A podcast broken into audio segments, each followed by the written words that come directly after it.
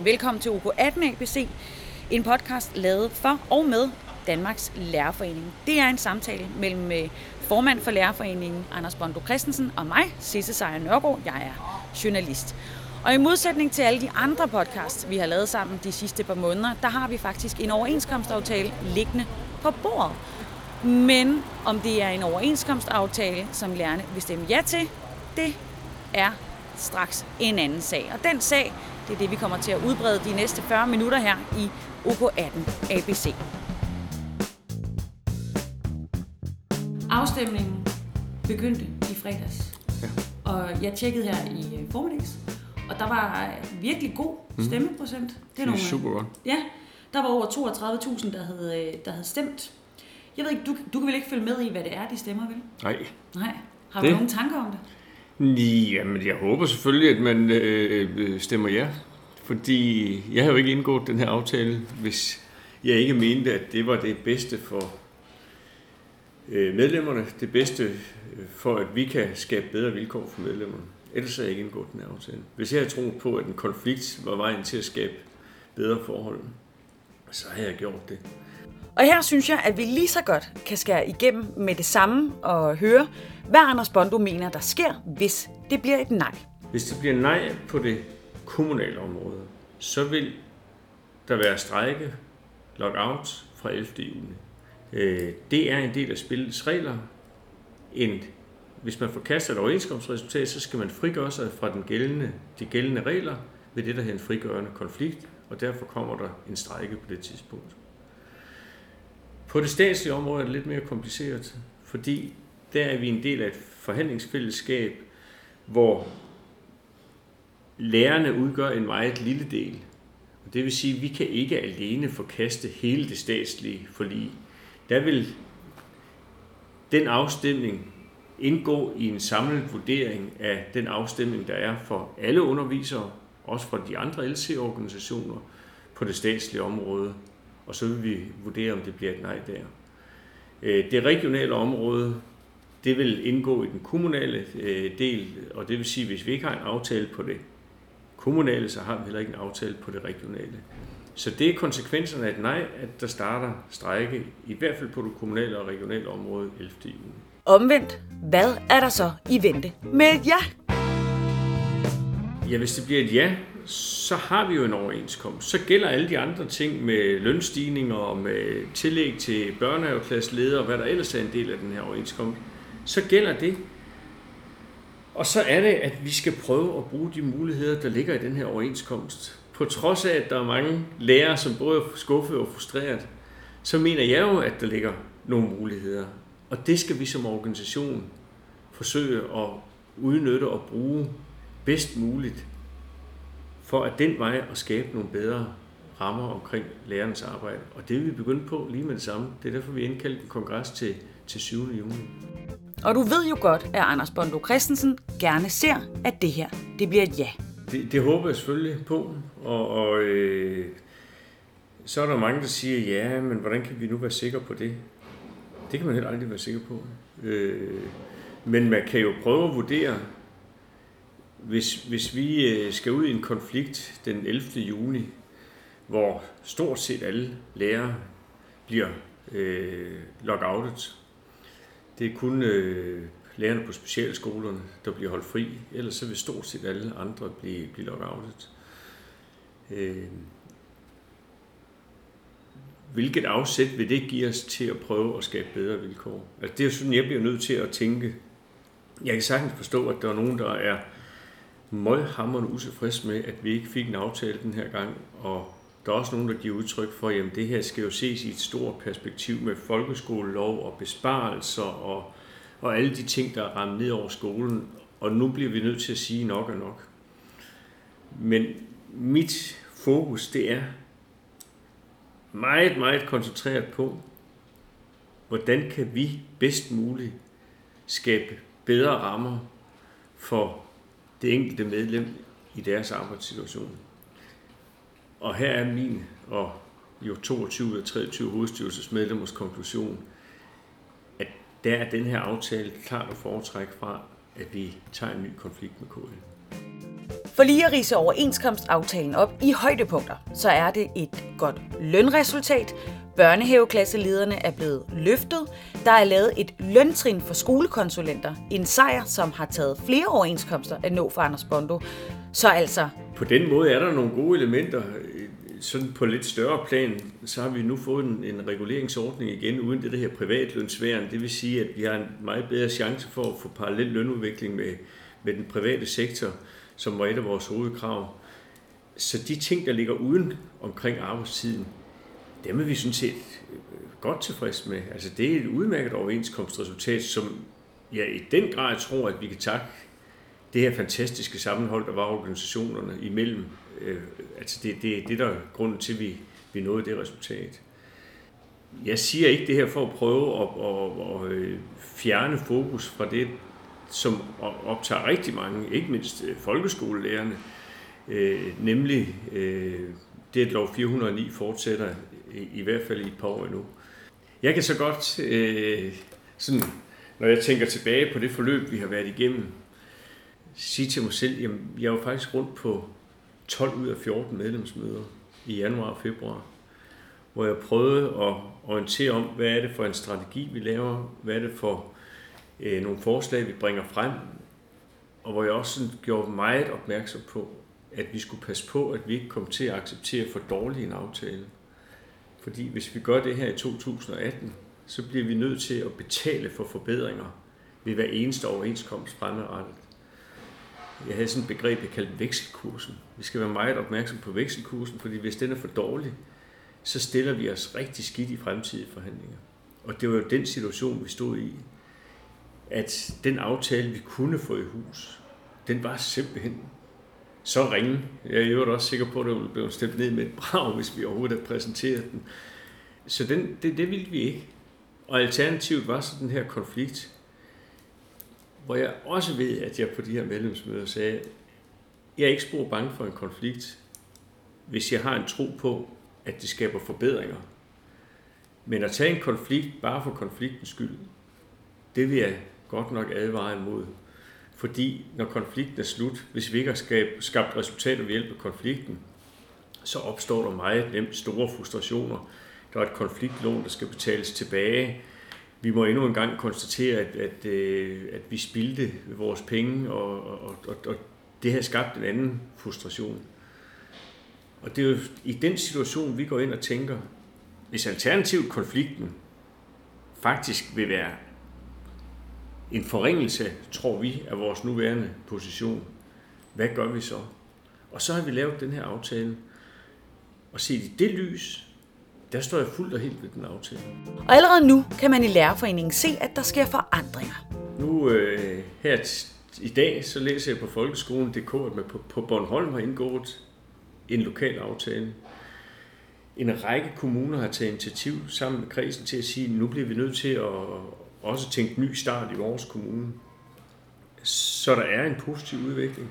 Haderslev Kommune, som har været et af de steder, hvor vi virkelig har været bekymret for, der har der været god kontakt. Man har fået lavet sådan en delaftale og fortsætter forhandlingerne og regner med at kan lande en, en egentlig aftale her inden sommerferien. Vi havde nogle kommuner, hvor vi synes det var uendelig svært at få etableret et samarbejde. Det har været en selvstændig udfordring, og det blev også påtalt på kongressen, at når vi skal have en aftale, så skyldes det også, at vi har de her sorte pletter på, på Danmarkskortet. Og det er mig så en glæde, at nogle af de sorte pletter, de, de forsvinder øh, forhåbentlig nu. Men det er også derfor, at vi i aftalen var meget opmærksom på, at de steder, hvor der, der ikke sker en forandring, der kan en af de lokale parter bede om at, at få assistance fra KL og, og os, og så vil vi prøve at, at kontakte Kreds Kommune for at høre, om, om øh, vi kan være behjælpelige med at, at etablere samarbejdet. Så, så det var en vigtig del af det. En del af overenskomsten hedder Ny Start, og det er den, som mange medlemmer har det lidt ambivalent med. Så her er, hvad Ny Start betyder for Anders Bondo Christensen. Ja, for mig er Ny Start først og fremmest en ny start på samarbejdet. Øh, vi må konstatere, at vi ikke har haft et reelt velfungerende samarbejde med KL i syv år. Det var jo ikke i 13, der det startede. Det var allerede i 11, hvor man kampagnemæssigt begyndte at øh, forberede det, der skete i 13. Jeg tror, der er rigtig mange af de lærere, der var lærere på det tidspunkt, der tydeligt kan huske, hvordan KL øh, lavede undersøgelser, der viste, at lærerne stort set ikke brugte noget tid på undervisning, og de øh, fortalte, at de gamle lærere havde så så mange ekstra ugers ferie, og øh, altså, det, det, det var en decideret skræmmende kampagne over for lærerne. Og lige siden dengang har vi jo ikke haft et ordentligt samarbejde med KL. Og så kan man så sige, tror vi på, at det samarbejde bliver etableret nu? Ja, det tror jeg jo blandt andet på. Det er jo, det er jo, det er jo derfor, vi har, har sagt ja til aftalen. Men igen, så for mig, så er alternativet øh, ikke at foretrække. Men, men Anders, du er jo ikke naiv. Altså, du går jo ikke ind og så siger, jeg tror på det her, fordi du synes for eksempel, at Jacob Bundsgaard er en sød fyr. Du må jo have nogle indikationer på, hvorfor det er, at du tror, at det her det kommer til at fungere. Jamen, jeg synes, der er et klart signal ude fra det kommunale bagland, at nu skal forholdene til øh, lærerne normaliseres. Man kan ikke leve med, at man har den konflikttilstand, som der har været. Øh, det er der så mange borgmestre, der har givet udtryk for, og jeg tror også, det er derfor, man kan se at borgmesteren, så snart aftalen var i hus, så er der en række borgmestre, der henvender sig, fordi der er simpelthen behov for at få genetableret det her samarbejde. Ja. Og, og da jeg blev formand for efterhånden mange år siden, tilbage i 2002, der fik jeg jo en invitation fra daværende KL-formand Ejkel W. Rasmussen, venstremand fra Gedve Kommune, som skrev, at nu var det jo ham, der havde erfaringen, og jeg var ny, og så han ville gerne invitere mig til en samtale, om vi ikke kunne få skabt en mere konstruktiv dialog omkring folkeskolen. Og det står for mig som øh, sådan virkelig et forbillede på, hvordan man kunne få genopbygget noget tillid, fordi vi var også virkelig op og toppes forud for, for 2002. Og så brugte vi tid på at sætte os ned og snakke sammen om, hvad vi vil med skolen, hvad det er, der har betydning for, at læreren kan lykkes med sin opgave osv. Og fra 2002 til 2008, der havde vores samarbejde sådan opadgående kurve. Altså, vi, kunne ikke, vi var ikke enige om alting, Ejkel eller jeg, men vi havde bare viljen til at prøve at forstå hinanden og lytte til hinanden. Og den måde at samarbejde på, det er klart at foretrække for folkeskolen, frem for at vi bekræfter konflikten i endnu tre år. Men Eichel er jo ikke på vej tilbage, kan man sige. Nej. så, så hvordan, hvordan ser det ud nu? Nu er der jo kommet øh, Jakob Bundsgaard til. Og han er frisk pust, og han har før haft øh, strækket arme ud til blandt andet dig med, øh, med jeg, ved, jeg ved ikke, om jeg vil kalde det tillidserklæringer, men i hvert fald, han vil gerne indgå et samarbejde. Han ringede også til dig umiddelbart øh, efter, at I havde indgået en aftale. Jeg har, jeg har kendt Jakob Bundsgaard fra allerede, da han var rådmand i øh, Aarhus. Ikke sådan, fordi vi har haft et tæt samarbejde, men vi mødtes i forskellige sammenhænge. Og, og allerede som rådmand, der signalerede Jakob jo, at han i den grad ville folkeskolen. Og så er han efterfølgende blevet borgmester, og har sådan set sendt noget af det samme signal.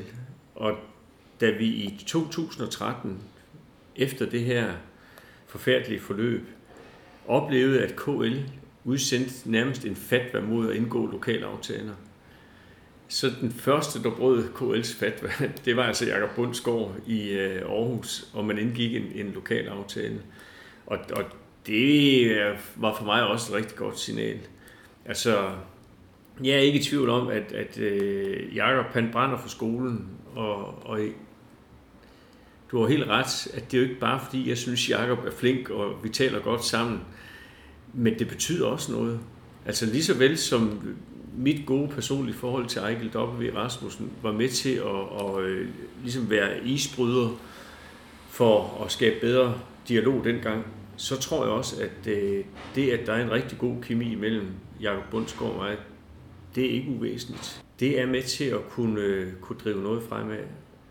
Og som sagt, så bygger jeg i høj grad også min tro på det her projekt på, at jeg fornemmer, at man ude i kommunerne siger, at der skal ske noget. Og det er nogen, fordi de gerne vil, det tror jeg langt de fleste.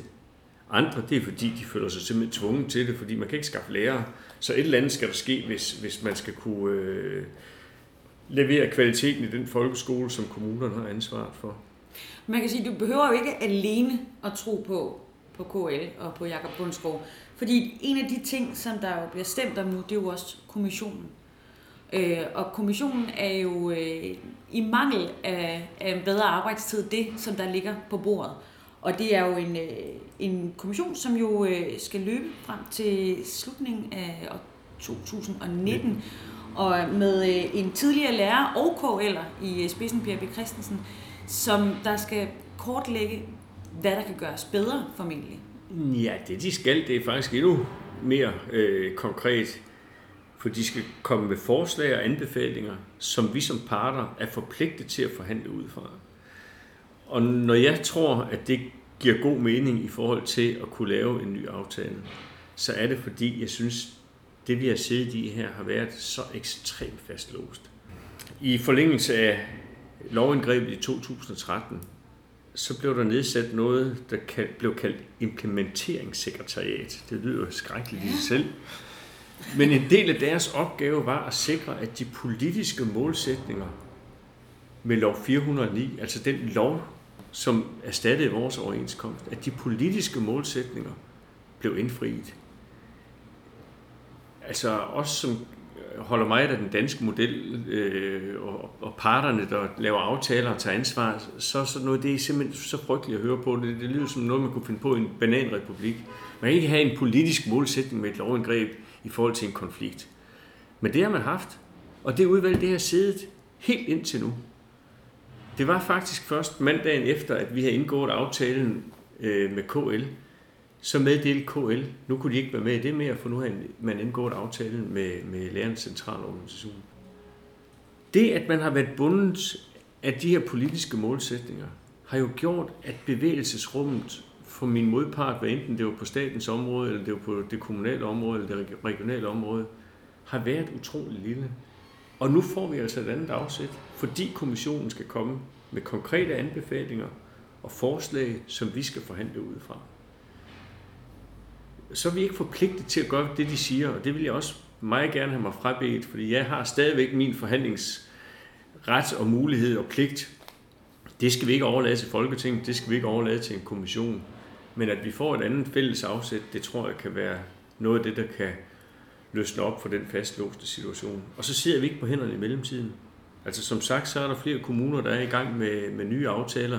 Der er nogle af de kommuner, der har haft aftaler, der er i gang med at, at genforhandle dem til, til bedre aftaler. Så kommissionen er altså en ting, men noget, som også er at finde i ny start. Noget, Anders Bondo Christensen har meget på sinde. Det skal vi lige tilbage til. Og noget af det, der også står i øh, det fælles papir, vi har lavet, det er, at vi skal kigge på hele den der overstyring, der sker i folkeskolen. Altså, det er jo helt vanvittigt, hvad der er sket. Og, og, og der kan jeg da godt synes, at KL har, har taget et med ansvar for alt det, der kom fra Christiansborg, altså læringsmålstyret undervisning, obligatorisk brug af læringsplatforme, øh, hele det der system, der er væltet ned over skolen, der bliver vi nødt til at bremse op. Og hvis vi skal lave om på det, så tror jeg, at en fælles melding fra KL og Danmarks Lærerforening, det vil have helt afgørende betydning. Så på den måde kan man også håbe, at, at ny start ikke bare i forhold til arbejdstid, men også i forhold til nogle af de andre ting, der har været stærkt frustrerende for lærerne. Hele afprofessionaliseringen af lærergærningen, at vi kan få forhåbentlig vendt bøtten der. Når man så for eksempel går på nettet, og man læser læserbreve, og man læser kommentarspor på Facebook, og øh, opslag fra diverse lærerforeninger rundt omkring i, øh, i landet, så virker det som om, at den optimisme, du lægger for dagen, den ikke helt er smittet igennem endnu blandt øh, nogle af dine medlemmer. Der er rigtig mange steder, hvor jeg, hvor jeg simpelthen bare læser nej, nej, nej, nej, nej. Ja. Hvad er det, du skal tale til der, tror du? Der er jo stadigvæk en utryghed, der er jo mm. stadigvæk en, en vrede. Man kan ikke bare slippe så mange års øh, frustrationer på, øh, på et enkelt snuptag ved, og så sige, jamen nu bliver det forhåbentlig bedre. Nej, og, og jeg ønsker heller ikke at virke som jubeloptimist. Det har jeg ingen grund til. Jeg har været med hele vejen igennem. Men dels så tror jeg på, at når man skal forholde sig til det her overenskomstresultat, så skal man forholde sig til alternativet. Ikke til en eller anden ønskescenarie. Fordi efter fem måneders forhandlinger, der var alternativet en konflikt. Og som sagt, ville en konflikt, tror vi på, at en konflikt vi have skabt bedre vilkår eller ville den bare have cementeret det, vi har, som, som var analysen i hovedstyrelsen? Jeg var i P1 morgen i fredags, da uafstemningen den begyndte. Og øh, der er der så også en øh, kollega, som er inde og siger, jamen, han tror ikke på, at, at, at en konflikt skaber bedre vilkår, men han har simpelthen brug for, at vi får markeret, at nok er nok. Og det var nemlig i P1 Morgen fredag den 25. maj, hvor øh, Flemming Vilsted fra Absalon Skole i Roskilde mente, at et nej vil få politikerne til at revidere deres ansvar en gang til. Og det synes jeg, at nej vil være med til. Så skal de tænke over igen, hvad var det, vi lavede i 13? Og jeg har ingen formodning om, eller forhåbning om, at det skulle blive bedre. Det tror jeg ikke. Men jeg er med til at fastholde politikerne på et ansvar på noget, der ikke fungerer, og som de bliver nødt til at tage fat i og lave om. Derfor stemmer jeg nej. Der var mit svar så, vi bliver nødt til at prøve at skille tingene ad. Altså, der er noget, der hører til i en overenskomst, der er noget, der hører til i økonomiforhandlinger, i finanslov, i folkeskolelov, og, og, og jeg kan sagtens forstå frustrationerne over alt det, der er væltet ned over øh, skolen. Og, øh, men vi bliver bare nødt til at skille tingene ad. Og det vigtige er, at vi, når man kommer over den umiddelbare forståelig skuffelse og frustration over, at det ikke lykkedes at lave den gode aftale den her gang, at man så siger, hvad gavner os bedst i forhold til at, at skabe bedre vilkår. Og det har jeg prøvet at skrive ud i et medlemsbrev, og det har jeg fået rigtig mange positive reaktioner på. Øh, men, men der er nogen, der tror, jeg har været rundt til sådan en række vækkelsesmøder over hele landet, og det har jeg på ingen måde. Nej, du har været og snakket med tillidsmænd. Jeg har, jeg, som jeg altid har gjort, lige siden jeg lavede min første overenskomst i 2005, der tog vi også ud den første uge efter forhandlingerne og præsenterede resultatet, og det har vi også gjort den her gang. Øh, og det er klart, at den her gang øh, var det også en særlig situation, det er stort set efter hver eneste overenskomst. Men jeg er helt traditionelt taget rundt til nogle særdeles velbesøgte TR-møder. Jeg synes også, de har fungeret fint. Hvor jeg dels har kunne fortælle bevæggrunden, hvorfor valgte vi at gøre, som vi kunne, eller som vi gjorde, og der har været mulighed for at, at komme med, med kommentarer osv. Og, og jeg tror da, at de møder med tillidsrepræsentanten, som så også har medført, at man måske har haft klubmøder på den enkelte skole, har været med til at sætte aftalen i, i et andet perspektiv end det, der lige var umiddelbart. Absolut. Men, men som din kollega jo også øh, sagde, så, så er der jo noget med at skulle komme af med de her frustrationer. Og der er jo et ønske om, som man jo kan se, der var så mange mennesker, der stod foran forlisen de sidste par uger, at der var, der var, der var et håb om, at nu vil der ske en forandring, og der vil også, at der også blev ligesom delt det budskab, at nok er nok. Mm. Og nu står lærerne så tilbage og har stadigvæk følelsen af, at nok er nok. Men det er ikke helt nok endnu, fordi de skal lige gå lidt mere. De skal lige, lige et par år til, og så bliver det forhåbentlig nok. Men hvad, hvad siger du til dem, der har frustrationerne? Hvor skal de gå hen med de frustrationer? Jamen for det første vil jeg sige, at hvis vi nu ved at være taget en konflikt, kunne have lavet om på det, og sige, nu skaber vi forandringen, nu bliver det meget bedre, så havde vi gjort det. Men, men det synes jeg, jeg har prøvet at forklare ret grundigt i det her medlemsbrev, hvorfor det ikke var tilfældet. Tværtimod kunne vi være blevet tvunget ind i en situation, hvor, hvor øh, fordi der ville ligge et ekstremt pres på os fra de andre organisationer. Pengene fosser ud af deres strækkekasser, så ville der ligge et ekstremt pres på os for at indgå en aftale. Og den aftale kunne netop blive så dårlig, at vi kom til at hænge på noget skidt i mange, mange år fremover. Den situation, jeg advarede mod på, på medlemsmøderne. Øh, så, så, så der hvor jeg synes, vi skal prøve at bruge den energi, det er at prøve at bruge de muligheder, der ligger her. Altså vi har i øh, de sidste par år snakket meget om et begreb, som vi kalder den involverende fagforening. Forklar gerne. Ja, det er, at, at øh, lad os prøve at skabe forandringerne. Øh, I stedet for at vente på, at de kommer, så, så bruge vores aktive, dygtige, velformulerende medlemmer til at prøve at være med til at skabe forandring. Og der håber jeg også, at det her ny startbegreb, at det ikke bare, at, at samarbejdet mellem KL og Danmarks Lærerforening på centralt niveau bliver bedre. Vi kan se, at det allerede har affødt øh, reaktioner, positive reaktioner mellem kreds og kommune. Men det skal vi jo helt ud på skolerne. Det står faktisk også i aftalen. Og der skal vi simpelthen til at have fat i. Hvis de der læringsplatforme er en belastning i dagligdagen, så lad os gøre noget ved det. Ude på den enkelte skole. Få forklaret, hvorfor duer det her ikke. Hvad kan vi sætte i stedet, der giver mere mening for os? Øh, vi skal simpelthen bruge den energi, som er i systemet, til at prøve at, at få skabt forandringer. Og det er jo også sket. Altså det er jo ikke tilfældigt, at Danmarks Lærerforenings lokale kredse har lavet 72 lokale aftaler. Det er fordi, i stedet for at bare sætte os ned og være frustreret over de dårlige vilkår, så har tillidsvalgte kredse, medlemmer, sagt, at vi må prøve at gøre en positiv forandring. Øh, og det tror jeg, vi får et, et bedre afsæt nu. Altså når KL skriver, at vi skal have gjort op med hele overstyringen, så tror jeg, det er sød musik i rigtig mange lærers ører. Øh, fordi et er nogle dårlige arbejds tidsregler, men der er meget andet, som også presser lærerne. Altså hele afprofessionaliseringen af lærergærningen, som vi har set, det er jo øh, noget lige så mange øh, føler sig frustreret over. Nu har vi en ekstraordinær kongres her den 7. juni. Øh, det er jo sådan, at øh, forhandlingsfællesskabet ligesom konfirmerer, om, om der er en overenskomst eller ej den 6. Vi kongres dagen efter. Det er klart, at hvis det bliver et nej, så skal vi diskutere, hvad Søren bruger vi det nej til. Hvordan griber vi den situation an? Der vil være få dage til, at, at strejker og lockout de starter. Hvis det ikke bliver det, så vil vi bruge den kongres til at sige, hvordan kan vi bruge den nye aftale til at på alle niveauer at skabe en positiv forandring. Lad os lige gå en måned tilbage til de sidste dage i april, hvor medlemmer i Danmarks Lærerforening stod skulder ved skulder med en masse andre offentlige ansatte, blandt andet foran forlisen på Sankt Annes Plads i København. Du vil stadigvæk ikke fortælle, hvad der, hvad der foregik bag de lukkede døre, og sådan, sådan skal det jo være. Du har været ude at sige, at øh, du nok vil gøre tingene anderledes, men hvad vil du have gjort anderledes i, i situationen? Jamen, det var jo den der øh, dobbeltrolle. Altså, vi står øh, ganske, ganske få dage før en af de største konflikter på det danske arbejdsmarked, med 100.000 vis, der ville være havnet i konflikt.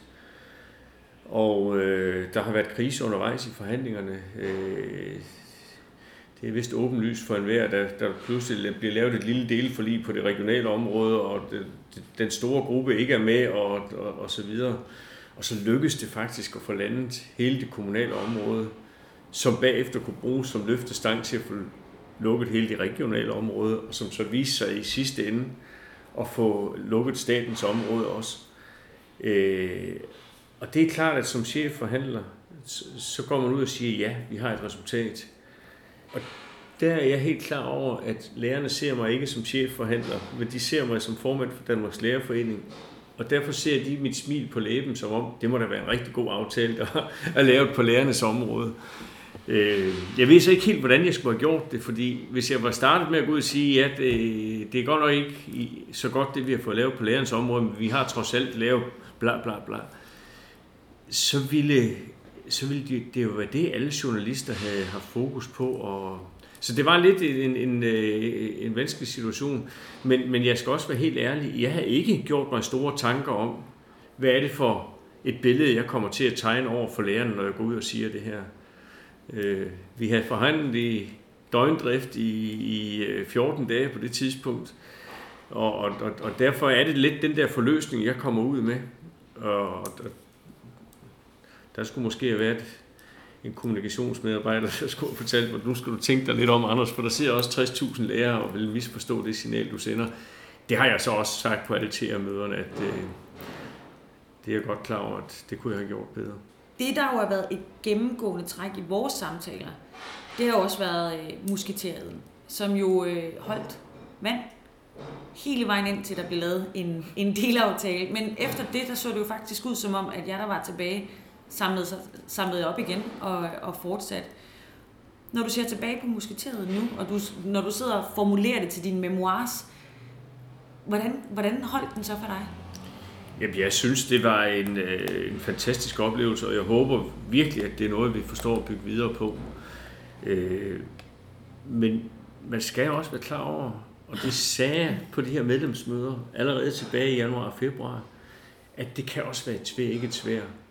Fordi når man har alle de andre organisationers opbakning, så ligger der også et enormt pres på en selv for at få landet et resultat.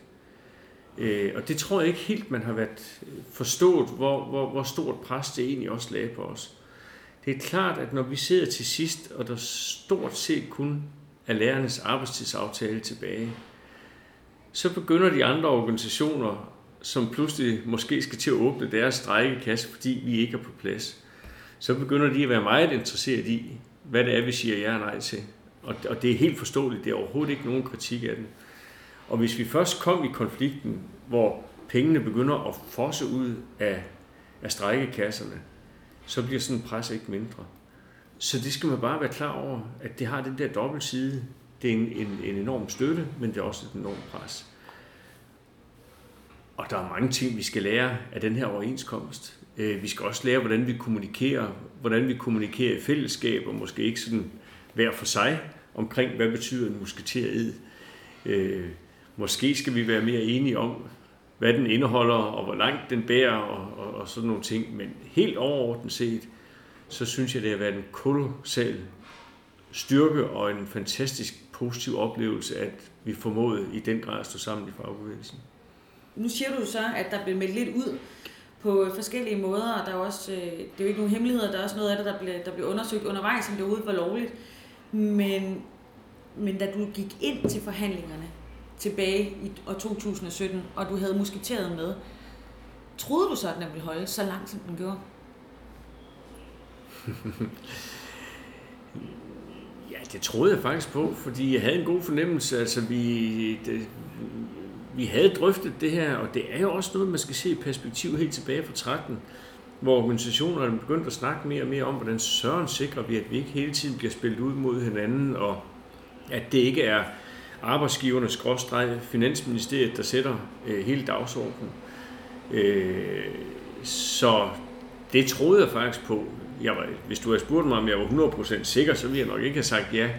Men, men jo, jeg troede på det. Øh, og, og nu skal vi bruge det. Altså, jeg mener, vi skal kigge på hele forhandlingssystemet oven på det her. Det, at de arbejdsgiverne de bare kan logge af det samtlige medarbejdere, det er jo et enormt pres at lægge på organisationerne. Og det var også derfor, jeg efterhånden følte, at der måske var et vist pres på os for at få, få lukket den aftale, fordi det er rigtig, rigtig dyrt. Og øh, nu er Danmarks Lærerforening en velpolstret organisation, og jeg tror ikke, jeg afslører nogen hemmelighed ved at sige, at det ikke er alle organisationer, der er lige så velpolstret, og det er klart, at hvis de pludselig ser, holdt op, vores kasse kan måske blive tømt i løbet af fem dage, så, så bliver man bekymret. Og det er jo en for alle, alle for en. Det betyder jo også, at lærerne også skal stå sammen med, med de andre. Det, det siger jo sig selv. Men nu står du så i en situation, hvor øh, der bliver stemt i de her dage, og øh, det ser ud som om, at der er rigtig mange, der stemmer, fordi øh, stemmeprocenten er allerede rigtig høj. Og der er jo en reel risiko for, at øh, alt det arbejde, I har øh, lagt for dagen, i øh, både forlisen, men også i månederne inden, det kan være, jeg vil ikke sige spildt, men det kan i hvert fald blive til en, øh, en ommer. Øh, og i værste tilfælde, en, øh, altså, kan det jo faktisk ende med en, en konflikt stadigvæk. Så jeg vil sige, hvis, hvis der bliver stemt nej, så ender det i en konflikt. Ja, der er jo ikke rigtig nogen vej udenom. Nej, det der med at tro, at så lige inden for fem dage, så får man lige øh, løst det, det, det, det tror jeg ikke, vi skal øh, Nå, men altså, folketingspolitikerne havde jo en lov 409 klar på en weekend, så... ja, men, men øh, nu går vi jo stadigvæk efter at lave aftaler, ikke efter at få lovindgreb, ja. så, så øh, bliver der stemt nej nu her, øh, det er den fjerde, vi offentliggør resultatet, så kommer strejken. Altså det er, det, det er konsekvensen, det er den danske model, fordi hvis man så skal frigøre sig fra den, de regler, der gælder i øjeblikket, så skal man have det, der hedder en frigørende konflikt. Og derfor skal man tage den konflikt. Det, det, der er ikke sådan en eller anden musehul, man kan, kan krybe i. Og så, må vi jo, det er jo, så skal vi bruge kongressen til at diskutere, hvad er det så for en strategi, vi lægger i de forhandlinger, der så forhåbentlig kommer det bliver da selvfølgelig problematisk øh, for skolen, men altså det er også det en... Øh, nu har vi jo ikke udtaget mere end 10 procent til strække, fordi vi synes jo ikke, at vi ville genere elever og forældre. Øh, vi skulle frigøre os fra, fra aftalen, Det er jo så øh, KL, som har udtaget øh, resten af lærerne til, til lockout. Og derfor bliver det her ganske, ganske omfattende. Jeg tror også, der er nogle lejerskoler og sådan noget i den periode der. Men, men, men det er en del af systemet. Et nej er en reel risiko eller en mulighed, alt efter hvordan man ser på det. Og der er altså ikke nogen decideret plan lige nu. Det er jo ikke til at, at, at, at spå om, men det er jo blandt andet derfor, hvis det bliver et nej, at vi skal bruge kongressen til at sige, hvad er strategien så i forhold til, øh, til det nej, der er kommet. Er du bekymret? Ja, det er jeg faktisk lidt. Og, og det er ikke så meget, fordi øh, vi kan godt takle en strejke og, og så videre. Min bekymring går mere på, at jeg er bange for, at kan vi holde sammen på foreningen, hvis vi kommer i en konflikt, som Ja, mange af dem, der anbefaler et nej, siger, at vi får formentlig ikke noget ud af det. Altså, øh, det kan jeg godt være bekymret for. Og, og der synes jeg lidt sporene skræmmer fra andre organisationer. Altså BUPL, øh, Sundhedskartellet var i en langvarig konflikt i 2008. Og ja, jeg tror godt, vi kan sige, at det var stærkt begrænset, hvad de fik ud af det. Og selvom der er kampgejst under konflikten, så opstår der tit nogle voldsomme frustrationer bagefter. Og, og, og det kostede dem rigtig mange medlemmer, som de jo heldigvis har bundet ind igen, men, men øh, det kan jeg godt være bekymret for, at vi øh, kommer til at stå i en, i en vanskelig situation som organisation. Så I har indkaldt til ekstraordinær kongres den 7. juni i øh, København i det, der hedder Øksenhallen. Det ligger lige ved siden af Københavns Hovedbanegård, så det er meget nemt at komme til. Ja. Og øh, uanset hvad resultatet er, så er I jo at finde der. Når jeg har synes, at det var vigtigt, at vi under alle omstændigheder har en ekstraordinær kongres, så er det fordi, at vi skal give den her organisation til, hvordan bruger vi den situation, der opstod. Altså, det er jo rigtig positivt, at en række kommuner og kredse allerede nu med afsæt i den her aftale har indledt samarbejde. Men jeg vil gerne sikre mig, at vi får alle med.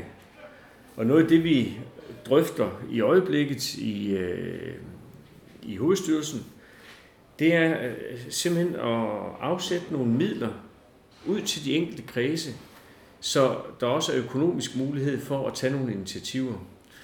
Øh, jeg deltog selv i et, synes jeg, fantastisk spændende arrangement for, er det halvandet års tid siden over i Ringkøbing Skjern, hvor kredsen havde inviteret lokalpolitikere, medlemmer, skolebestyrelser til et øh, arrangement, hvor der var en skoleforsker, og jeg var der, og kredsformanden sagde noget. Og pludselig så fik man sådan en fælles platform at, at, at, at snakke ud fra. Det er selvfølgelig ikke gratis at lave sådan et arrangement. Der er en halv lejr, og der er noget forplejning og, og, og så videre. Men for mig var det sådan en vej til at få startet et nyt samarbejde. I en række kommuner, der er der kommet øh, nye skoleudvalg, eller hvad man nu kalder det i de enkelte øh, kommuner. Der har lige været kommunalvalg. Tænk, hvis vi kunne invitere dem til et eller andet arrangement og prøve at få en ordentlig snak om, hvad er det egentlig, vi vil med skolen? Hvad er det for en uddannelsestradition, vi bygger på i Danmark? Hvorfor er det, de kommer fra alle de asiatiske lande og alle mulige steder i verden og kigger på lige præcis den danske grundskole. Hvad er det, vi kan? Øh, og, og prøver på den måde at få den der ny start i samarbejdet etableret også ude lokalt. Vi har først kongres i slutningen af oktober. Ved at holde en ekstraordinær kongres nu, så kan vi ligesom give hinanden håndslag på, det her det er noget, vi tager hånd om i hver eneste kreds. Jeg håber rigtig meget på, at man på den enkelte skole får taget fat i og siger, hvad betyder det her? KL og LC har skrevet, vi opfordrer til, at der på den enkelte skole bliver styrket samarbejde mellem tillidsrepræsentant og skoleleder. Hvordan sikrer vi, at det øh, bliver udmyndtet? Og der synes jeg, det vil være så ærgerligt at skulle vente til oktober. Det er nu, vi skal være, gøre organisationen parat til det. Så vil der være 3-4 uger til en sommerferie. Der kan kredsene begynde at snakke om, hvad vil vi gøre, når vi starter op efter sommerferien. Man kan begynde at, at, at måske lave invitationer, få lavet arrangementer som i Ringkøbing Skjern og så videre. Vi havde et hovedstyrelsesmedlem, Niels Munkholm. Han snakkede meget om, at, at vi må aldrig misse tempofordelene. Altså det er lige nu, der er den her øh, opmærksomhed også ude i kommunerne på, at vi skal etablere det samarbejde. Det skal vi have taget fat i, og det er det, jeg håber, vi kan bruge kongressen til. Jamen, der er jo ikke andet end at sige, øh, jeg krydser fingre. Det gør du vel også? Det gør jeg bestemt også, og så øh, krydser jeg især fingre for, at det rent faktisk lykkes os at få skabt forbedret forhold for lærerne og få skabt en ny start for skolen. Øh, vi har medlemmer, der arbejder mange andre steder end folkeskolen, øh, og det er for alle de medlemmer, som vi også laver en overenskomst. Men det er også klart, at folkeskolen er udfordret.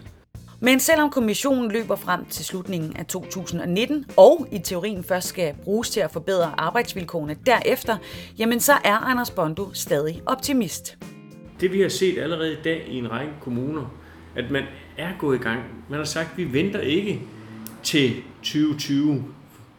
Vi går i gang nu lokalt og ser, om vi kan lave noget, der øh, kan, kan skabe bedre vilkår. Det synes jeg er så opmuntrende. Og, og, og det er altså 1. januar 2020, vi er parat til at forhandle på ny, fordi der ligger kommissionens forslag og anbefalinger, som vi er forpligtet til at tage udgangspunkt i. Og det tror jeg altså mere på end en ny konflikt.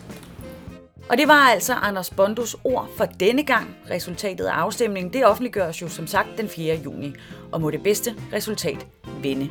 Det her det var OK18 ABC. Det er en podcast lavet for og med Danmarks Lærerforening. En øh, samtale imellem mig, Sisse Sejr Nørgaard, jeg er journalist, og formand for Danmarks Lærerforening, Anders Bondo Christensen.